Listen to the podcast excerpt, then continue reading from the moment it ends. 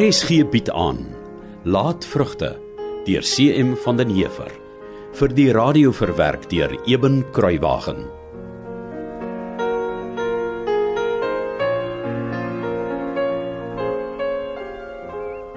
Nou toe, sê my nie.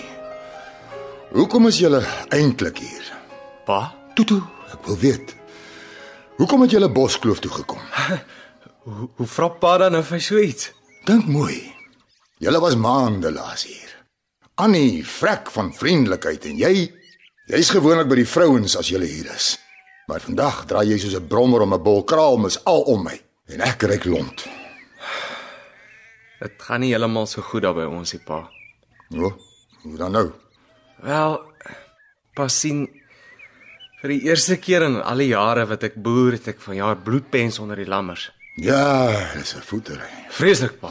Maar nou nie eintlik iets wat 'n ordentlike boerdery van sy reim sal afkry nie of hoe. Nee, natuurlik nie, pa. Is dit al? Nee, pa. As dit maar was. Wat nog? Ek het 'n groot probleem vanjaar ook gehad met steekgras in die wol, maar weet? En Pa sal weet hoe dit die prys van jou wol beïnvloed. Ja nee, ek hoor jy kry sommer heel wat minder vir jou wol as daar steekgras in is. Sommige baie minder, pa. Maar vir 'n boer wat nie sy skaap sommer op enige plek laat wei nie en wat sy kuddes dophou en versorg, is dit selde eintlik 'n groot probleem. Dis gewoonlik min genoeg om uit te kam voor jy skeer. Ja, pa. Hmm. Maar weet pa hoe skelm kan die winkeliers knoei met 'n wolskaal? Pa sal pa se oë nie kan glo nie. Nee, ek wil dit glo. Dis juist daarom dat ek nooit my wol aan die kleinhandel verkoop nie. Ek kry altyd 'n baie goeie prys vir my wol. Ja, pa. O ja, dan sou ook die jakkals plaag in ons geweste. 'n Jakkalsplaag. Hm, Kan nie sê ek het al van so iets gehoor nie. Nee, d- dis nou seker nie die regte woord nie, pa, weet, hmm. maar ons het 'n taamlike probleem met jakkalse in ons kontry en die een jakkalsjag na die ander misluk. Hoe dan nou so? Nee, pa, ek weet nie. Ons gaan uit en ons is oorgehaal om die goed uit te rooi, maar dan kry ons niks. En die honde kry ook geen spoor nie. Nee pa. Weet pa hoe moeilik is dit vir 'n jong boer vandag om die swaar alleen te dra? Nee, kyk, boer is nie vir enige man nie. Jy moenie dink ouer boere weet nie van swaar dra nie. Om die waarheid te sê, as jy 'n boer is, gaan jy swaar dra. Dis maar hoe dit werk. Ja pa. Hi, het ek al vir pa gesê van die doktersrekening wat my omtrent die bewerasie gegee het? Wat 'n doktersrekening is dit nou? Nee pa.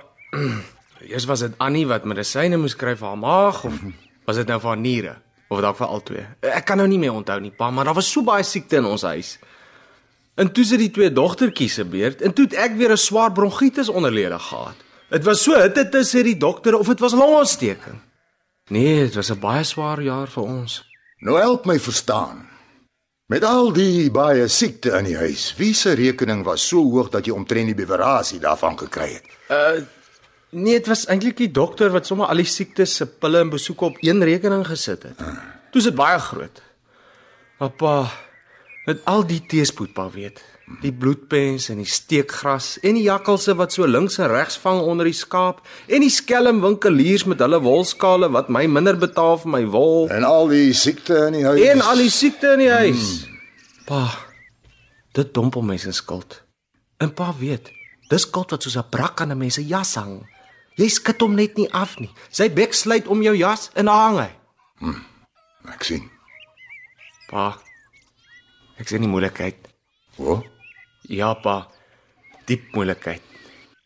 En wat is diep moeilikheid? Ek skuld Blensky 200 pond. Blensky. Wat is dit? Nee pa, nie wat nie. Wie? Nou wie's Blensky? Hy's 'n winkelier op die dorp. Hm? Ek sou nooit vir pa gesê het nie, maar Annie het my aangepor. Dis hoekom ons gekom het, pa. Ek's jammer, maar Blensky wil nie meer wag vir sy geld nie. Mm. Maar pa, en dis eintlik hoekom ons hier is. Blensky sê as pa vir ons 'n borg teken, is dit goed. Dan kan ons dit afbetaal. Ek vra mooi vir Annie se onthaalwe. Dinge het my net 'n bietjie onverhoeds gevang. Te veel goed het slegs skeef geloop. Asseblief, pa. Pa? Nooit, Hendrik. Nooit. Jy weet goed wat ek van Borgstaan dink. Dis die graf van ons mense. My oom, my oorlede vader se broer, het vir sy vrou se pa borg gestaan. En toe pa? Wat dink jy? Die ellendige vent het nie sy skuld betaal nie. En wie dink jy moes toe opdok? Pa se oom? Einste. En het hy die geld gehad om vir 'n ander man se skuld te betaal? Nee. En wat gebeur toe? Die Baldieu het al sy goed kom vat om te verkoop. En daardie aand, weet jy waarop het hulle gesit? Nee, pa. Op houtkussies. En waarop moes hulle slaap? Eh, Op die vloer? Juistement. Maar met ons is dit anders. Ek gee vir pa my kar en perde en 14 osse as waarborg. En pa weet self, 'n mens kan deesdae 12 tot 14 pond vir sulke osse kry. En as ek nou weer skeer, sal ek 'n lekker groot gat in die skuld maak. My antwoord het jy klaar gehoor, Hendrik. Pa, asseblief. Net vir Annie en die dogtertjie se onthaalwe. Ek het gesê nee. Dis vir my vreeslik dat 'n jong boer soos jy, wat maar nou die dag eers begin boer het, nou al vir my kom vra om vir jou borg te staan. En dit vir so 'n klomp geld. Wat het jy met alles gemaak? Ek verstaan dit nie. Ek sê mos pa, dinge Nee. Vra my liewer om geld te leen, dis beter. Goed, a- asseblief pa. Ek sal dit by pa leen. Dankie pa. Maar geld om te leen, weet jy ook, die het ek nie. Pa, 200 pond. Genigtig, ek kan my eie ore nie glo nie.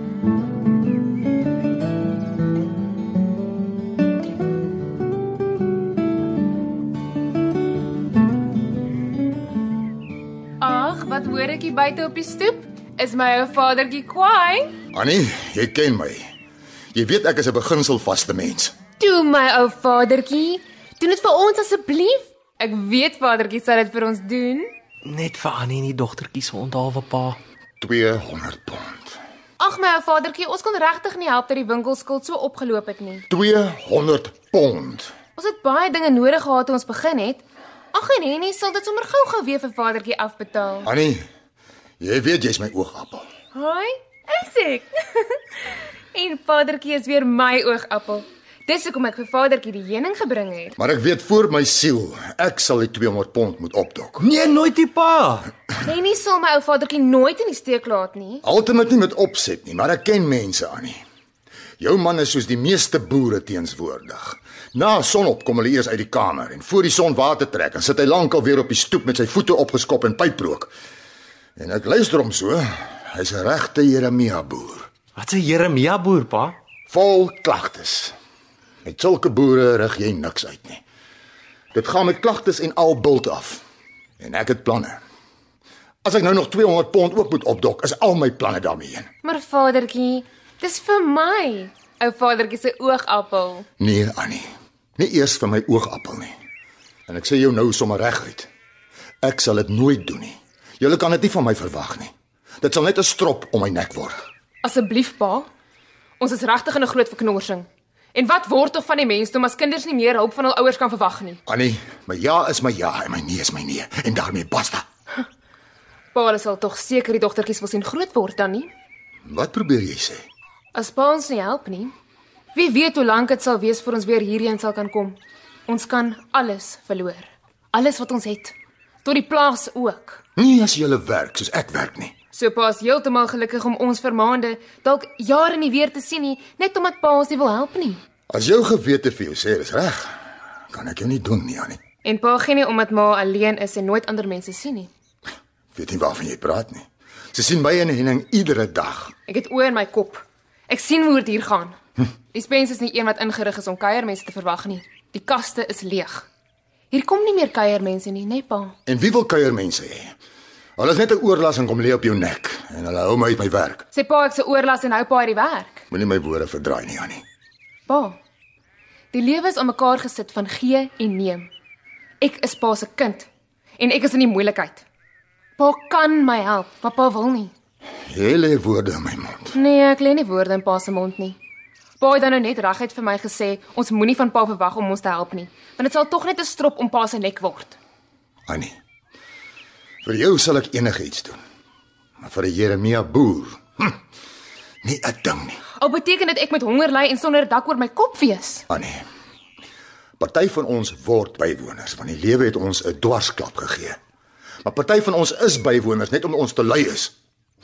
En so 'n mens sal nooit meer wees as net 'n bywoner nie. Ek's gaan bywoon nie, ek het aan my eie plaas.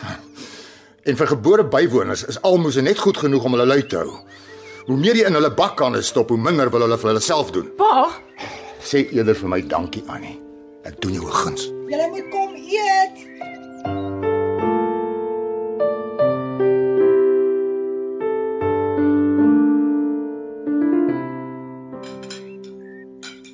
wil ma nog van die aartappel hê? Nee, dankie Annie. Kry maar vir julle. Henny, nog vir jou. Nee, dankie.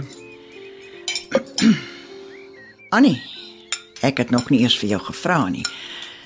Wanneer gaan julle terug huis toe? Ons gaan nou dadelik ry, ma. Ons het dringende sake. O. Ek dog julle ry darm eers môre. Ek het nie pa se hulp nodig nie. Ek sal self inspan. Annie, maak klaar. Die pad is lank. Dankie ma. En uh die heuning hier op die kas Annie. Ma, hulle kan dit maar hou.